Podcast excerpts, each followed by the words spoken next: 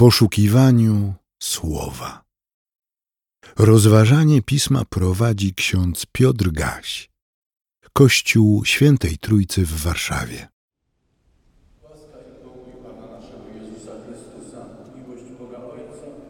i społeczność Ducha Świętego niech będą z Wami wszystkimi teraz i zawsze. Amen. W księdze Amosa piątym rozdziale od 21 wersetu czytamy: Tak mówi Pan: Nienawidzę, gardzę Waszymi świętami. Nie mam upodobania w Waszych uroczystych zgromadzeniach gdy przynosicie mi ofiary całopalne i wasze ofiary pokarmowe, nie znoszę tego. A na ofiary wspólnotowe z waszego tłustego bydła nie mogę patrzeć. Oddal ode mnie wrzawę swoich pieśni, dźwięku Twoich harf nie chcę słyszeć. Niech prawo rozlewa się jak woda, a sprawiedliwość jak niewysychający potok.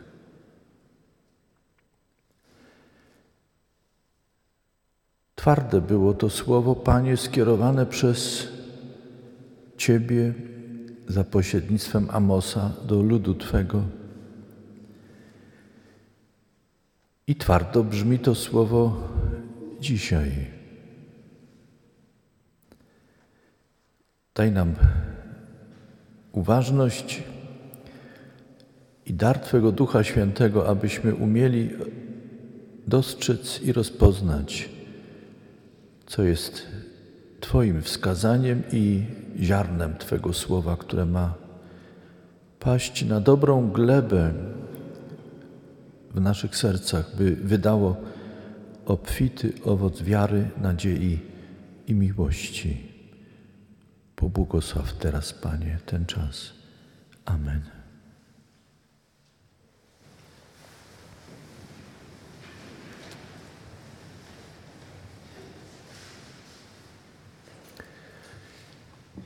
Siostry i bracia, jeżeli ktoś słyszał ten tekst już wcześniej, i zna także inne teksty prorockie, wie, że to twarde słowo pojawia się także u innych proroków. I że w tym tekście jest wskazanie na formalizm religijny i pozorną pobożność Pozorną pobożność, która stwarza pewną fasadę oddania i umiłowania Boga, ale za tą fasadą kryje się miłość własna, odstępstwo od Boga. Jest to rodzaj, ta pobożność pozorna, listka figowego, który ma zakryć hipokryzję i zakłamanie. Ktoś, kto słyszał ten tekst, być może za chwilę się już wyłączy, bo stwierdzi, to już znam. Czy na pewno? Ktoś, kto słyszy ten tekst po raz pierwszy, być może jest zadziwiony i stawia sobie pytanie, dlaczego Bóg przez swojego proroka tak twardo mówi, że nienawidzi świąt, nienawidzi zgromadzeń, gardzi nimi, nie chce ofiar, skoro w Starym Testamencie czytamy przepisy dotyczące określonych świąt, zgromadzeń, składania ofiar. Bóg zmienił zdanie?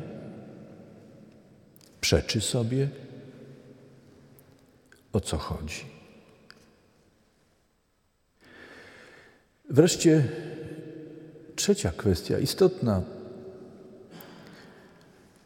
Amos żył i działał w VIII wieku przed narodzeniem Chrystusa. My żyjemy w XXI. Nasza religijność opiera się na innych zasadach. Wiemy, że Chrystus wypełnił i zamknął Stary Testament, ustanowił nowy. Nie znamy takich ofiar I na podstawie tego, co Chrystus dla nas uczynił, nie widzimy potrzeby kontynuowania tych ofiar i takich praktyk, jakie są opisane w Starym Testamencie. Co jest więc ważnego, istotnego w tym tekście, co dziś, teraz powinniśmy wydobyć, usłyszeć, z czym powinniśmy pójść? Siostry i bracia, postawmy sobie pytanie, co jest w centrum dzisiejszej niedzieli. Czy krytyka obrzędowości, zwyczajów religijnych, czy dzisiejsza niedziela ma być uderzeniem w tradycję Starego Testamentu i pokazaniem, że to, co w Nowym Testamencie jest ważniejsze i wyższe i jedyne?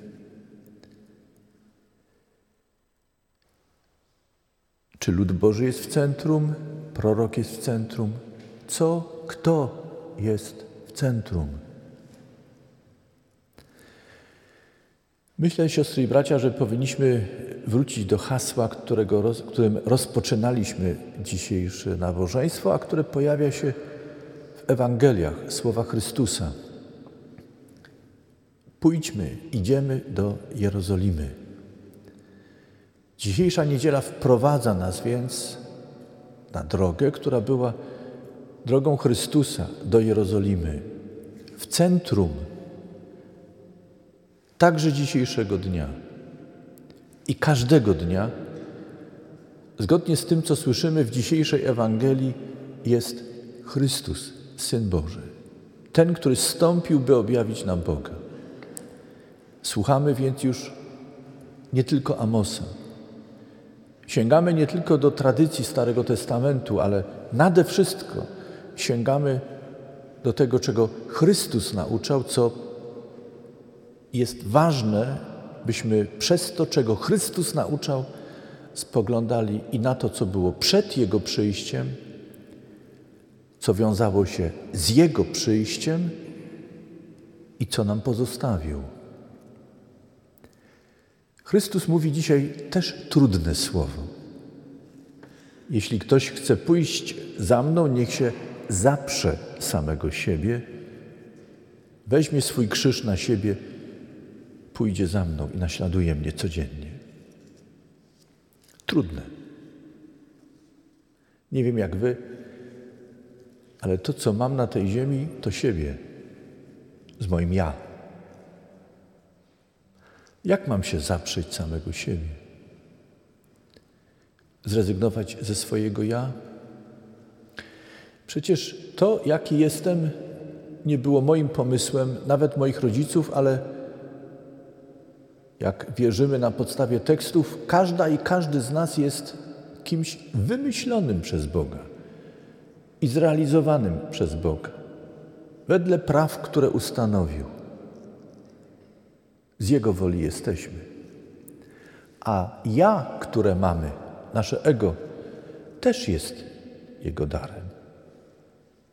Cóż innego robimy na tej ziemi, jak nie to, że poznajemy siebie samych Dzieci przed chwilą wychodziły. Czy wiecie, że to wyjście też ma swoją wartość i sens, samo wyjście? Dzieci w ten sposób czują się zauważone w swoim ja. To, że Krzysiu tak się domaga światełka, żeby mógł pójść, to jest przecież też kształtowanie i rozpoznawanie jego ja, które szanuje ktoś inny, kto stoi na jego naprzeciw nie przeciwko niemu, ale naprzeciw i daje mu światło. Każde z nich prowadzi, niosąc latarnię do swojej grupy. To może nam się wydawać śmieszne, ale to są początki dostrzegania swojej własnej osoby, to są początki uczenia się tego, że Czasem trzeba pójść za kimś, ale są chwile, kiedy wolno nam pójść przed innymi, by ich poprowadzić.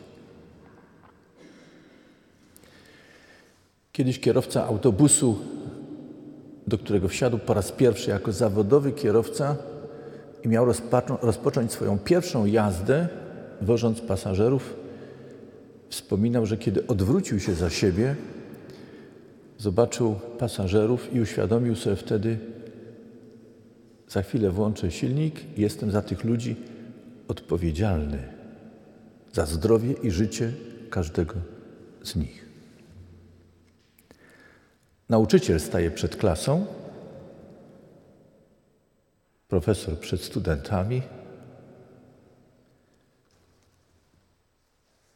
i jest świadomość.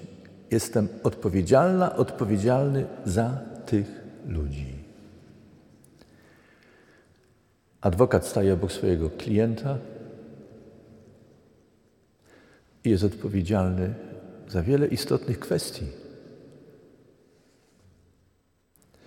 Niedawno wspominaliśmy profesora Jana Oderfelda, który był jednym z pionierów polskiego lotnictwa i uczył swoich studentów, że nie wolno im niczego zaniedbać, nawet jednej śrubki. Bo od tej śrubki, od tego, z jakiego, z jakiego materiału wykonają tę śrubę, jak ona będzie zrobiona, a potem jak ją wkręci monter samolotu, zależy czyjeś życie. Stajemy w rodzinie jako ojciec i matka, babcia czy dziadek. A czasem nie mając rodziny, będąc samej czy samemu, ale nie samotnymi, stajemy obok innych, przed innymi, dla innych w tym świecie i uświadamiamy sobie, że w swoim ja idę czasem za innymi, czasem przed innymi. Zależymy od siebie nawzajem. Jestem człowiekiem wolnym, ale też obdarowanym odpowiedzialnością. Co więc Chrystus ma na myśli, mówiąc: Jeśli kto chce pójść za mną, niech zaprze się samego siebie, weźmie krzyż swój na siebie i pójdzie za mną. I naśladuje mnie. To słowo zrozumiemy, kiedy uświadomimy sobie, że my w swoim ja wyrwaliśmy się i w swoim błądzeniu mylimy czas i miejsce. I zamiast iść za kimś, chcemy być przed. A wtedy, kiedy mamy prowadzić, chowamy się za innymi. Że kiedy jest nam darowana odpowiedzialność, narzekamy, że mamy za dużo. Kiedy jej nie mamy, narzekamy, że mamy za mało. Jesteśmy stale niezadowoleni. Mówimy Panu Bogu, że zrobimy ten świat inaczej, inaczej go ułożymy i robimy to bez Niego. A jednocześnie narzekamy, że Panu Bogu ten świat się nie udał, bo jest taki przeklęty i straszny. Choć cały czas swawolimy i robimy coś, co jest sprzeczne z Bożymi wskazaniami. Chrystus mówi dosyć. Do Szymona Piotra mówi: Ty mnie nie pouczaj. Zwróćcie uwagę, mówi do niego szatanie. Szatanie, pójdź za mną. To znaczy, ty, który mi coś tłumaczysz, występujesz przeciwko mnie, zamiast słuchać i pójść za mną i swoje ja i to, co masz, to, co jest związane z Twoim ja, wykorzystywać, używać, by iść za mną, Ty obracasz to przeciwko sobie, przeciwko innym, przeciwko mnie, choć jeszcze tego nie dostrzegasz i nie rozumiesz. Idź za mną. A wtedy zrozumiesz samego siebie. Będziesz lepiej rozumieć innych. Odkryjesz życie na nowo. I nawet tę drogę, która teraz ci się wydaje nie do zaakceptowania, i próbujesz mnie od niej odwieść, odkryjesz, idąc za mną że ona ma sens, ma wartość. Ona jest potrzebna. Spełni się bowiem wszystko to, co zapowiadali prorocy, a Ty będziesz przeżywał wraz z innymi radość służby, którą spełnię dla Ciebie i dla wszystkich. Siostry i bracia,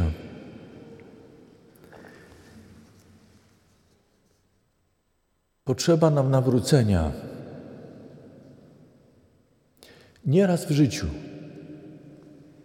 ale potrzeba nam nawracać się każdego dnia i potwierdzać, że chcę rozpoznawać swoje ja, chcę rozpoznawać siebie samą, siebie samego w relacji z Bogiem, więzi z Bogiem, która pozwala mnie zrozumieć samego siebie, samą siebie. Tej więzi z Bogiem lepiej zaczynam rozumieć drugiego człowieka i cały świat, i tak chcę iść przez życie. Obrzędy, które Bóg ustanawiał w różnych okresach czasu,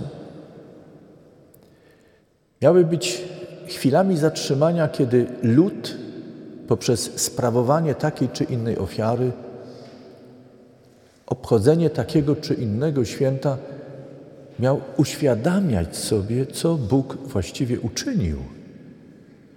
I w tych chwilach zatrzymania miał wydobywać dla siebie mądrość, która miała posłużyć temu, by iść dalej jeszcze mądrzej, jeszcze gorliwiej. Pamiętacie święto Paschy z opisu? Ono miało przypominać przeprowadzenie ludu Bożego od czegoś do czegoś. Złożenie baranka w ofierze miało coś uświadomić ludowi. Śpiewanie pieśni miało być oddechem emocji ludzkiego serca. Miało wyrażać to, co bolesne, trudne, ale też to, co radosne i piękne. W tych zwyczajach, obrzędach było wszystko to, co uwrażliwiało całego człowieka. Wszystkie zmysły. Człowiek więc poprzez sprawowanie kultu, jakbyśmy powiedzieli, uczestnicząc w tym, przede wszystkim wrażliwy na słowo, wraz z całymi mysłami, um, zmysłami miał być poruszony i całym sobą wyrażać to, że miłuje Boga i miłuje to, co Bóg daje. Co człowiek zrobił z tym,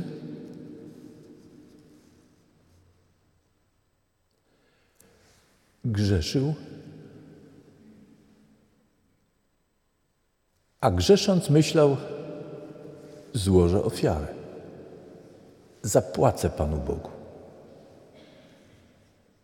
I bezwstydnie, i bezczelnie grzeszył.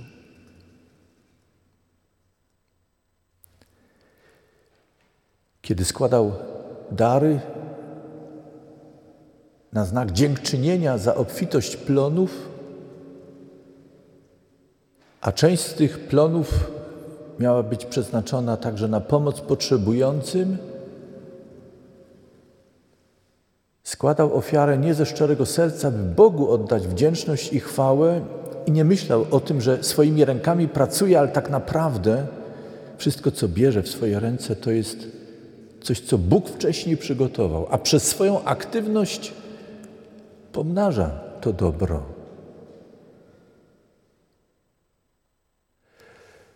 I im więcej ma, tym bardziej powinien się czuć wyróżniony, ale też odpowiedzialny za to, żeby mądrze obracać tym, co ma. Ale człowiek nie zawsze tak myśli. Czasem kombinuje, jak zaoszczędzić na innych, by nie podzielić się tym, co ma.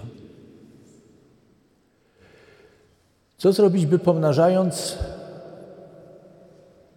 zatrzymać maksymalnie dużo, nie dając Bogu ze, swojej, ze swojego dobra nic. A jeżeli już, to to, co mu pozostaje jako resztka. Wiecie skąd wiemy, że tak myśleli?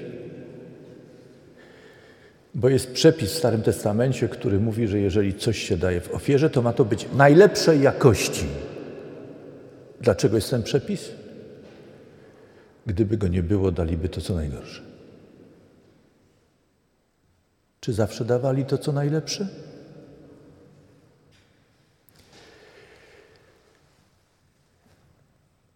Nie składamy ofiar tak jak kiedyś. Ale Stary Testament uczy nas, bo Chrystus nie zaprzeczył temu. Stary Testament uczy nas tego, że to, co dajesz Bogu, nawet jeśli go nie widzisz i nie możesz go dotknąć, daj mu nie to, co ci zbywa, nie to, co odżałowałeś, odżałowałeś, ale daj to, co płynie z serca. Jeśli poświęcasz mu jakiś czas w niedzielę, nie czyń tego z żalem i z przymusu.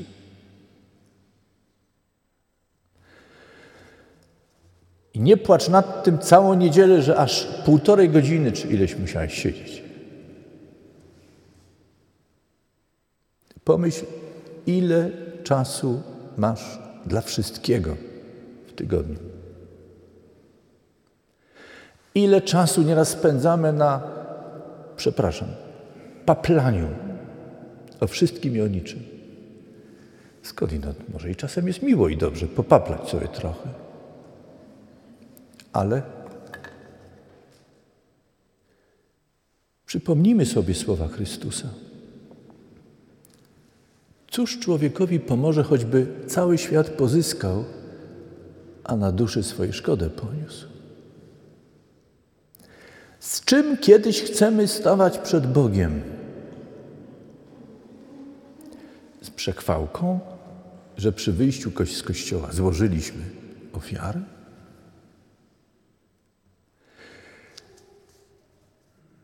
Że staraliśmy się zaśpiewać kiedyś na nabożeństwie Panu Bogu jak najlepiej? Że przystępowaliśmy do Komunii Świętej, że robiliśmy to i to i to i to. Co jest w centrum, siostry i bracia, dzisiejszego nabożeństwa? Nie krytyka, ale Bóg który przychodzi do nas przez swe słowo i budzi nas do tego, byśmy to, co jest dobre i słuszne, co pomaga nam się zatrzymać, posłuchać, przemyśleć, żebyśmy to robili. Nie zaniedbywali tego. Ale jednocześnie pamiętali, że nie o formalizm chodzi, nie o, użyję mocnego słowa potocznego, odbębnienie. Pytanie jest, czy w tym, co się dzieje tu i teraz, w tym, co się dzieje za chwilę, kiedy wyjdziemy, kiedy stajemy wśród innych, przed innymi, dla innych, jako nauczyciel, kierowca, profesor, adwokat, jako ojciec, matka, babcia, dziadek, czy w tym wszystkim okazujemy miłość? Miłość do Boga, miłość do drugiego człowieka. Czy jesteśmy gotowi pójść za Chrystusem, by swoje własne ja na nowo odkrywać i rozpoznawać, idąc za Zbawicielem, który jest uosobieniem miłości i uczyć się od Niego?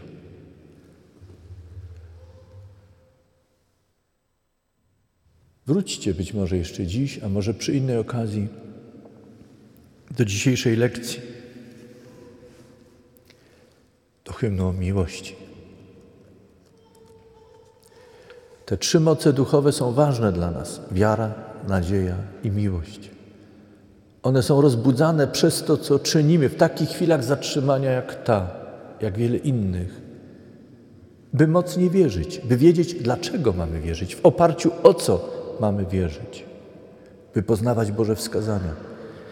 Potrzebujemy nadziei, by wtedy, kiedy wszystko się chwieje i wydaje się wszystko bez sensu, nadzieja pomogła nam być w tym świecie. Ale pamiętajmy, największa jest miłość.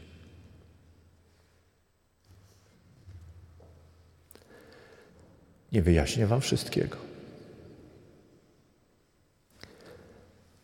Ale cieszę się, że Pan, o którym mówimy, który jest w centrum, który kieruje dzisiaj do nas trudne słowa poprzez te czytania, jest z nami. Cierpliwie jest z nami i uczy nas. I pozwalając nam doświadczać, czym jest Jego miłość, nauczy nas, odsłoni nam i napełni nam, nas tym, co jest Jego miłością, byśmy byli zdolni okazywać miłość. Amen. Przyjmijcie życzenie pokoju.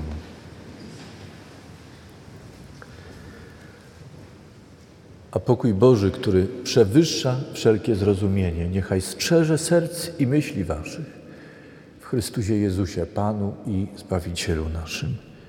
Amen.